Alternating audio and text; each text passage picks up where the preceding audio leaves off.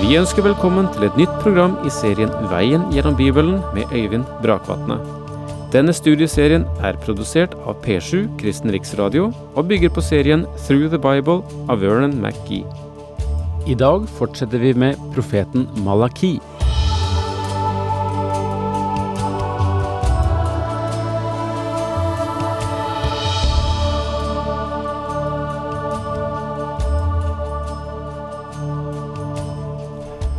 Ja, i dag skal vi begynne på teksten eh, i eh, profetboken efter Malaki.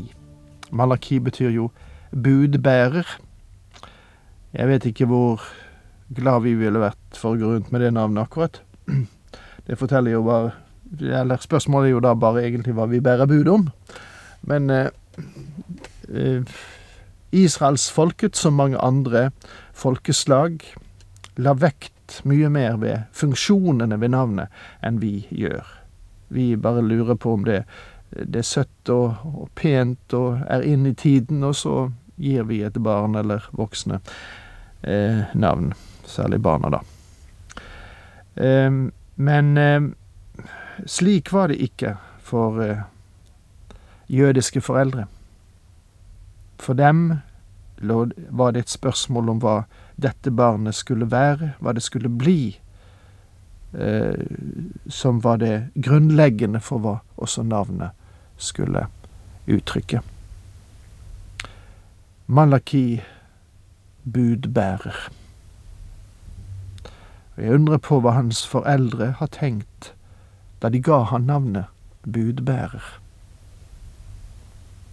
Ja, det nytter ikke å filosofere over det for Bibelen sier ikke noe om det. Men nå, altså kapittel én, profeten Malaki. Eh, Malaki kommer til å konsentrere seg om de samme problemene som Nehemia tok hånd om. Og det forteller at Malaki talte inn i den samme situasjonen. Det første problemet vil være utvanning av presterollen det andre dreier seg om deres ekteskap med kvinner fra fremmede folkeslag og skilsmissen fra deres israelittiske hustruer, og tro meg, Gud slår hardt til når det gjelder denne saken. Det er en del som ber meg om å ta opp spørsmål om skilsmisse. Vel, jeg tar det opp når det forekommer i Guds ord. Og Gud vil tale om skilsmisse i Malakis profetbok. Og Det tredje problemet var at Israels folke neglisjerte tienden og ofringen til Guds sak. Og jeg tror du kan være sikker på at du vil ikke like det Gud har å si om dem som vil forstille seg for andre mennesker angående sin givertjeneste til Herren. Men først, først eh, om Guds kjærlighet til Israel. Nå starter denne boken eh, noe skarpt. Det står slik domsord. Dette er Herrens ord til Israel ved Malaki. Malaki betyr altså min budbærer. Han er i Herrens budtjeneste og bringer Guds siste nyheter til Israels folk. Domsord. Dette er Herrens ord til Israel. Dette dreier seg om en dom fra Gud og vil være både sterk og med rystende anklager fra Guds side mot sitt folk. Noe vi må merke oss, og som allerede er sagt, er at Malaki vender seg til Israel, vil si til de tolv stammene. Dette er altså et budskap til hele Israel, til alle tolv stammene i folket. Her er ingen tapte stammer. Bare en liten rest fra hver av stammene var vendt tilbake til landet, og det var meget få fra hver stamme. Men Gud henvendte seg til dem, og jeg tror at Malakis budskap spredte seg fra dem til de andre som ikke hadde vendt tilbake. Nehemjas bok forteller at det var kommunikasjon mellom de som dro tilbake, og de som ble værende i Babylon. Det var budbærere eller reisende som dro frem og tilbake fra der de hadde vært i fangenskap, der de var blitt holdt i slaveri, og tilbake til Israel. Men det er verdt å merke seg at budskapet dreier seg om Guds hilsen til samtlige stammer. Jeg har dere kjær, sier Herren, men dere spør meg, hvordan har du vist at du har oss kjær? Var ikke Esau Jakobs bror, lyder ordet fra Herren. Likevel hadde jeg Jakob kjær, men Esau hadde jeg uvilje mot. Jeg gjorde hans fjell til en ørken, hans arveland til en villmark for sjakaler. Malakids budskap starter med dette veldige håndslag til folket. Jeg har dere kjær, sier Herren. Er ikke det en fantastisk måte å begynne på? Efter at det står skrevet domsord, dette er Herrens ord til Israel ved Malaki, så kommer det så, så, som balsam. Jeg har dere kjær, sier Herren. Hvordan tror du nå at dette folket kommer til å svare på denne utstrakte hånd? Husk at de har vendt tilbake til landet, og selv om det var mye motløshet på Nehemjas tid fordi murene rundt Jerusalem ikke er gjenreist, så er det tegn på velstand, og de tar opp igjen sin tilbedelse, i alle fall ytre sett, og i det gjenoppbygde tempelet. De holder fast ved ritualene, og på overflaten ser alt bra ut. Men dette er et sarkastisk, et tåpelig og blasert folk. Og Gud sier til dem, Jeg har elsket dere. Og lytt nå til dem. Men dere spør, Hvordan har du vist at du har oss kjær? Kan du forestille deg at dette folket hadde nerver til å tale til Gud slik? De sier, På hvilken måte har du elsket oss? Og jeg føler meg sikker på at det er mange i den kristne menighet rundt omkring i landet som ville stille det samme spørsmålet og si, se på det som hender oss i dag. Med det som bakgrunn, hvordan kan du da si at Gud elsker oss? Vel, Gud gjorde det helt klart for Israel helt fra begynnelsen at han elsket dem. Og Det er interessant at du skal vandre langt inn i Bibelen før du finner at Gud sier til noen at han elsker dem. Men når du kommer til femte Mosebok, da befinner du deg i ørkenen, og der har de vært i 40 år, og da skal det vanskelig gjøres å få noen til å tro at Gud elsker ham. Men lytt til det Moses sier i femte Mosebok kapittel 10 vers 15. Men det var bare dine fedre Herren bandt seg til i kjærlighet. Gud hadde ganske enkelt ikke sagt det til noen. Du går videre gjennom den store flomkatastrofen og tiden etterpå, og Gud sa aldri det til noen. Gud sa aldri til Abraham at han elsket ham, men det gjorde han selvfølgelig. Poenget er at Gud syntes ikke å hastverke med å fortelle menneskeslekten at han elsket dem. Men han sier her, men det var bare dine fedre Herren bandt seg til i kjærlighet, og dere som er deres etterkommere, utvalgte han framfor alle andre folkeslag, slik som vi ser det i dag. Nå er Gud forberedt på å bevise det han har sagt, og hans svar er dette.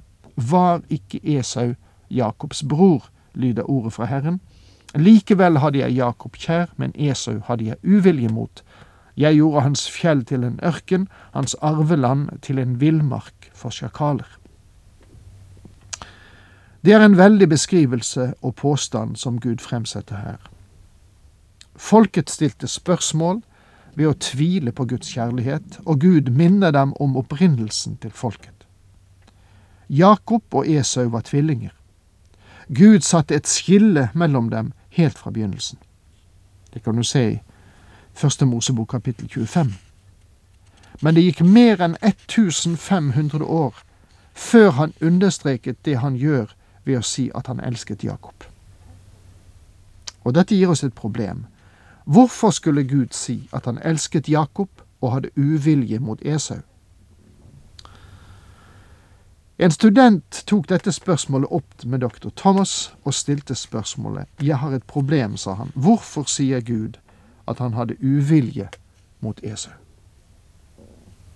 Vel, jeg har også et problem med det verset, svarte dr. Thomas. Men mitt problem er hvorfor Gud sa at han elsket Jakob. Det er det virkelige problemet. Min venn, det virkelige problemet her er hvorfor Gud ville si at han elsket dette folket. Men la oss være klar over én ting. Gud sa aldri dette før Jakob og Esau hadde blitt to betydelige nasjoner med en lang historie bak seg. Derfor sa Gud at han elsket Jakob fordi han visste hva som var i Jakobs hjerte. Han visste at her hadde han med en mann å gjøre som lengtet etter Gud, og at Esau ikke hadde denne lengsel i hele tatt. Men denne forutsetning måtte finne sine praktiske konsekvenser gjennom 1500 års historie, før Gud var beredt til å gi til kjenne denne oppfatningen her hos Malaki.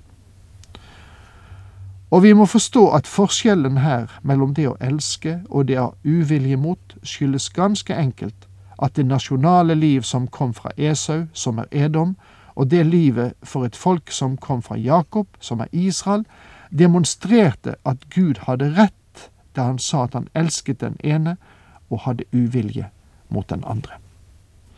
Alt dette forteller noe som vi trenger å være oss bevisst i dag også. Vi har trukket så mange veksler på Guds kjærlighet. Vet du at hvis Gud elsker, så vil han også samtidig hate, fordi du kan ikke ha kjærlighet uten avsky. Kjærligheten og avskyen står ganske nær hverandre. Om Gud elsker det gode, så må han hate det onde. Det kan ikke være annerledes, og det er nøyaktig det vi møter her. Elsker du dine barn, så vil du samtidig måtte avsky det som vil knuse dem eller skade dem. Gud sier at på grunn av Esaus liv, på grunn av det onde som fylte denne mannens hjerte, så fant det sitt utspring inn i Edom som folkeslag. Og Israels historie som folk var helt vesensforskjellig. Så Gud hadde full rett til å komme med denne uttalelsen. Når edomittene sier vi er knust, men vil bygge opp igjen det som sank i grus, da sier Herren allherrs Gud, la dem bygge, men jeg river ned. De skal kalles det gudløse landet, og det er folk som Herren for alltid er ham på. Dere skal se med egne øyne og si, Herrens velde når ut over Israels grenser. Det Gud sier til dem, er dette. Min handling i forhold til og behandling av disse nasjonene som kom fra Esau og Jakob, forteller at jeg elsket Jakob og hadde uvilje mot Esau. Etter at Gud dømte Edom, hadde de allerede reist seg igjen. Når så du en edomitt sist? De eksisterer ikke i dag. Og Gud sier til Israel, Jeg demonstrerte at jeg elsket deg. Til å begynne med sa han aldri det, fordi han ventet så saken selv skulle utvikle seg og bli synlig. Dette forteller derfor at Guds valg verken er tilfeldig eller kortsiktig. Gud foretar ingen slike valg. Gud hadde et virkelig fellesskap med sitt folk. Han var nasjonens far. Og dermed må vi si takk for nå. Herren med deg.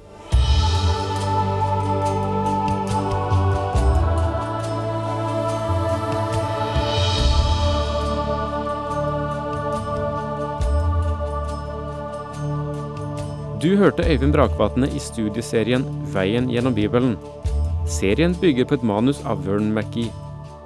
Har du spørsmål eller kommentarer til programmet, kan du sende en e-post til vgb krøllalfa p7.no. Takk for i dag, og på gjenhør.